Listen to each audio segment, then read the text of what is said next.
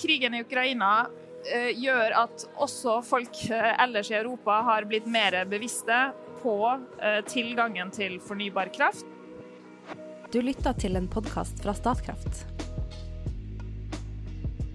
Energiomstillinga i Europa den er i full gang. Hva fører det til, og hva betyr det for oss i Norge? Mitt navn er Severin Roald, og jeg er kommunikasjonsdirektør i Statkraft. Vi er på Deichman i Bjørvika i Oslo, og med meg så har jeg to stykker som fra hver sin kant følger Europas energiomstilling tett. Det er Georg Rikeles. Han er assisterende direktør i tenketanken European Policy Center i Brussel. Og Birgitte Ringstad Vartdal, som er konserndirektør for eh, Statkraft, med ansvar for vind- og solkraft i Europa og nye forretningsområder. Velkommen til dere begge. Mange takk. Takk skal du ha. Rikles, i Europa så pågår en omfattende energiomstilling.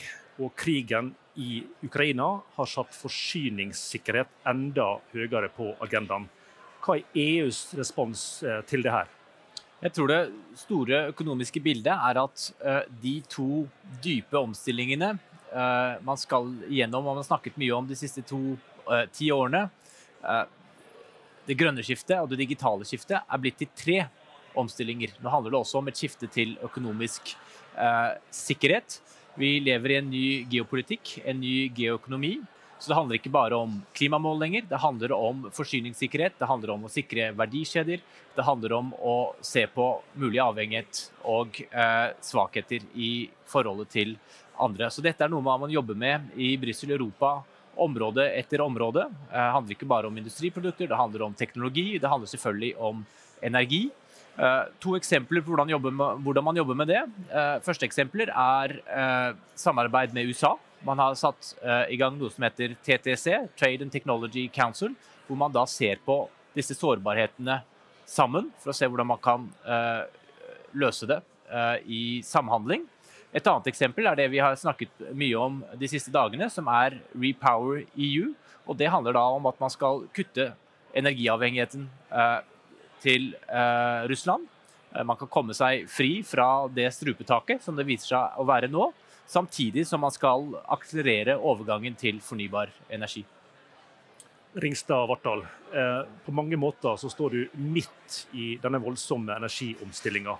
Hva er det som imponerer deg mest ved ambisjonene til EU? Jeg tror kanskje det er størrelsen på ambisjonene og den farta som de setter.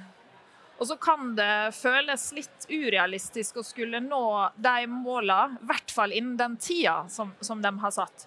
Men du kommer ikke noe sted uten ambisjoner. Og det at Europa setter retning, det gir muligheter, og du begynner også å se resultatet av det. Og for oss som en leverandør av fornybar energi, så er det en kjempefordel at EU er tydelig på hvilke mål de ønsker å nå. Fordi det gjør at vi kan planlegge og bygge opp våre ressurser, vår kompetanse, våre prosjekter i henhold til det. Så det at de setter tydelige mål, gjør også at de får med seg selskap som ønsker å satse. Rikeles, du kjenner EU bedre enn de fleste. og Du har bl.a. jobba elleve år i EU-kommisjonen, og du har jobba tett med EUs eh, sjefsforhandler under brexit-forhandlingene. Tror du EU vil klare å nå energimålene som de har satt seg? Jeg tror den største utfordringen fremover blir den økonomiske situasjonen. Uh, Norge kan gå relativt godt i, i dagens uh, verden. For uh, Europa generelt så står man foran en økonomisk krise. Slutt på, på, vekst. Selvfølgelig, Vi sender allerede prisstigningen, inflasjonsbildet. Man er i en krigstype krigs, lignende økonomi i mange sammenhenger. Kamp om ressurser. Flyktningstrøm forsvarsutgifter som må tas hånd om. Så alt dette presser på uh, den økonomiske situasjonen. Så jeg tror de, to store barrierene eller utfordringen for Europa for å komme gjennom dette her, er det første er finansieringskapasitet. Ta et eksempel, eller et tall. Ett prosentpoeng økning i uh, finansieringskostnaden for Frankrike betyr et helt forsvarsbudsjett i ekstra utgifter. Så det er klart Når man skal investere massivt i eh, energiomstilling, så blir det mye vanskeligere nå, både for offentlige og private aktører. Den andre store, det andre store usikkerhetsmomentet, etter min mening, er det politiske støtten rundt dette prosjektet, rundt disse omstillingene. Europa er et kontinent som allerede kjenner eh, på energifattigdom eh, i dag. 40 millioner europeere som sliter eh, med energipris og energiregningene. Dette har direkte konsekvenser også på politikken. Populismens tid kan komme tilbake, og da blir det vanskelig å, å føre store omstillingsprosjekter. Ringstad Vartdal, hva er det som må til? Tror du Europa vil nå målene sine? Ja, eh, Som jeg sa tidligere, så har de satt ambisiøse mål, og jeg tror de kan nå dem, men jeg tror kanskje ikke de når dem helt på tid. Eh, og det er fordi at eh, når jeg ser praktisk på det, og du skal utvikle et solprosjekt, så kan det ta en tre til fem år. Skal du utvikle et vindprosjekt, så er det fort fem til åtte år, og kanskje mer. Og eh, det som selvfølgelig eh, vi som utvikler bruker også noe tid, men det tar tid i planprosesser, og det tar tid i demokratiske prosesser, som det skal. Eh, men det gjør at, at, det tar tid å få den veksten. Og Vi ser også at administrasjonen i de ulike landene har en stor en måte, backlog av eh, ting som de må behandle. Eh, EU har jo sagt at de skal øke farta her også. Men så er jo dilemmaet at noe av det her går også på nasjonale lover og regler som ikke EU potensielt kan styre. Eh, men se på det med, med dyr omstilling. Eh, det er dyrt eh, der og da, men alternativet, som kanskje er kraft fra, fra gass, er jo enda dyrere. Og når man først har fått den fornybare eh, energien inn, så tror jo vi at du vil få et mer balansert Du vil få kanskje volatilitet, men i snitt så vil du få, få mer fornuftige energipriser over tid. Og Planene til EU Rikles, de er jo ikke akkurat eh, billige. Kan du forsøke å gi et eh, anslag på hva Repower EU vil koste? Jeg kan ikke gi et totalt, uh, totalanslag for hvor mye denne klimaomstillingen kommer til å koste, men bare da Repower EU, som er da denne tilleggs, tilleggstiltakene for å, for, å, komme seg ut av russisk fossil energi, blir anslått av EU-kommisjonen til å koste nærmere 2000 milliarder eh, kroner over de neste eh, fem årene. Det er klart det er enorme summer. Alt skal ikke løses av det offentlige. Det handler selvfølgelig også i stor grad om private investeringer, men jeg tror det generelle bildet er at vi har vært i en økonomi hvor penger har vært gratis, eller nærmest gratis. Nå går styringsrenten opp. Eh, og man er nødt til å gjøre det for å få bukt på eh, inflasjonsspøkelset. Så det er klart at her er det finansieringsutfordringer som blir store. Og det er selvfølgelig også at eh, en aktør som Norge, både som land og private aktører som Statkraft, har, har da muligheten til, til, å bidra, og man vil ønske at de vil kunne bidra.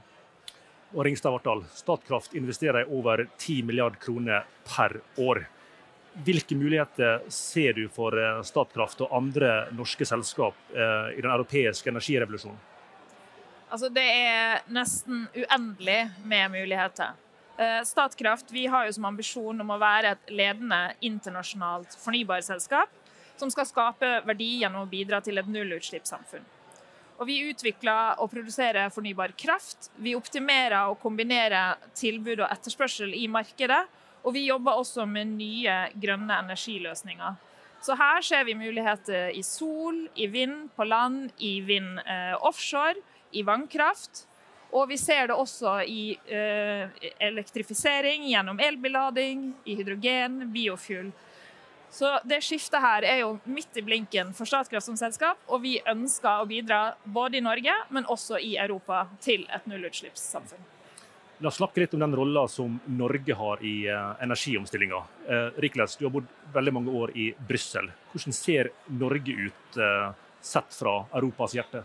Sett fra Brussel blir Norge sett på som en, en, en stabil, nær og god partner. en stort sett problemfri partner. Ofte så trekker man sammenligninger med andre land i EUs naboskap. Eh, det har ikke vært så enkelt eh, med britene i forbindelse med brexit og den siste tiden. Sveits, forholdet til Sveits har også vært mye mer problematisk. Så EU vil si at man har et veldig godt forhold til, til Norge. EØS-avtalen, som er da grunnmuren i det, det forholdet, har, har, vist seg å være en, en, en grei og, og, stabil løsning, i hvert fall sett fra, fra, EU. Men så er det også klart at man kommer inn i en, en ny tid nå, hvor EØS-avtalen er mer og mer nødvendig, vil jeg si. Det handler om at man er innenfor et regelfellesskap som gir tilgang til markedet. Men EØS-avtalen er også mindre og mindre tilstrekkelig. Her handler det om da i denne nye økonomiske tiden vi har snakket om, uh, forsyningssikkerhet, uh, økonomisk sikkerhet, om å finne løsninger innenfor uh, ressurser. Norge har enormt mye å, bidra med der. Man kan ha, utvikle vinn-vinn-partnerskap Eh, men dette må da gjøres med å legge til rette for, for ny samhandling, nye, nye, politikkområder. Og det ønsker man absolutt å gjøre fra, fra, EUs side. Så når da norske statsråder kommer til Brussel og sier at de skal ha eh, et energipartnerskap, så blir de møtt med åpne armer. Og Du Ringstad Vartdal, du jakter jo grønne investeringer i hele Europa. Kjenner du det igjen i det eh, bildet? Ja, absolutt. Jeg opplever at eh, når vi kommer eh, fra Norge og fra Statkraft, så, så, blir det sett på som veldig positivt. Og Norge har jo også en veldig lang historie med, med fornybar energi. Eh, og kompetanse rundt det å håndtere fornybar kraft, som, som vi også kan bidra med ute. Eh, og så er det jo det at eh, Norge jo, har jo vært og er fornybart, og vi har vel kanskje vært litt heldige. Og vi, vi, har vel egentlig ikke helt innsett hvor heldige vi er. Så det å forstå behovet for fornybar kraft og security of supply som har kommet opp nå i Europa, og bidra til det, tror jeg også er viktig for oss i Norge. Ikke bare å håndtere vår egen kraft. Og Da er det naturlig å spørre om krigen i Ukraina. Eh, hvordan vil det prege det europeiske energimarkedet framover? Jeg tror at uh, krigen i Ukraina uh, gjør at også folk uh, ellers i Europa har blitt mer bevisste på tilgangen til fornybar kraft. Ikke bare fra et klimaperspektiv, men også fra et sikkerhetsperspektiv. Jeg har jo jeg jobba i shipping tidligere, transporterte råvarer, og har jo på en måte sett hvor Eh, råvarene har vært på ett kontinent og i ett land, og, og forbruket har vært et annet, og hvor avhengig vi har vært av global handel. Det du kan få til med fornybar energi, er jo lokal produksjon. Så du kan på en måte eh, gjøre det mer uavhengig, både økonomisk og politisk, av andre stormakter. Og det tror jeg folk har blitt mer obs på og mer fokusert på i det siste. Også det som er bra for uh, security of supply, er også bra for klimaet, slik at vi får en dobbel positiv effekt. Så energiomstillinga i Europa den fører til store endringer. Rikeles, hva er konsekvensen av denne omlegginga for eh, energinasjonen Norge? Konsekvensene for eh, energinasjonen Norge er først og fremst eh, store, nye muligheter. Eh, man har som sagt mye å, å bidra med. Norge kan fortsette å være en energinasjon, men selvfølgelig fra, sett fra EU så ønsker man å gå fra gass til fornybar. Men, men som, som, ble nevnt, eh, Norge har sine styrker også der. Så, så, så i dette litt bleke bildet jeg ofte tegner om hvordan de nærmeste årene eh, i forbindelse med en vanskelig økonomisk situasjon, en vanskelig ressurssituasjon, eh, hvordan det kommer til å slå ut i Europa, så, så er Norge både eh, et av de landene som kan gå godt, men som også kan være med på å bidra med løsninger. Tusen takk, Georg Rikeles, assisterende direktør i tenketanken European Policy Center i Brussel, og Birgitte Ringstad Vartdal, konserndirektør i Statkraft. Mange takk. Takk skal du ha. Du har lytta til en podkast fra Statkraft.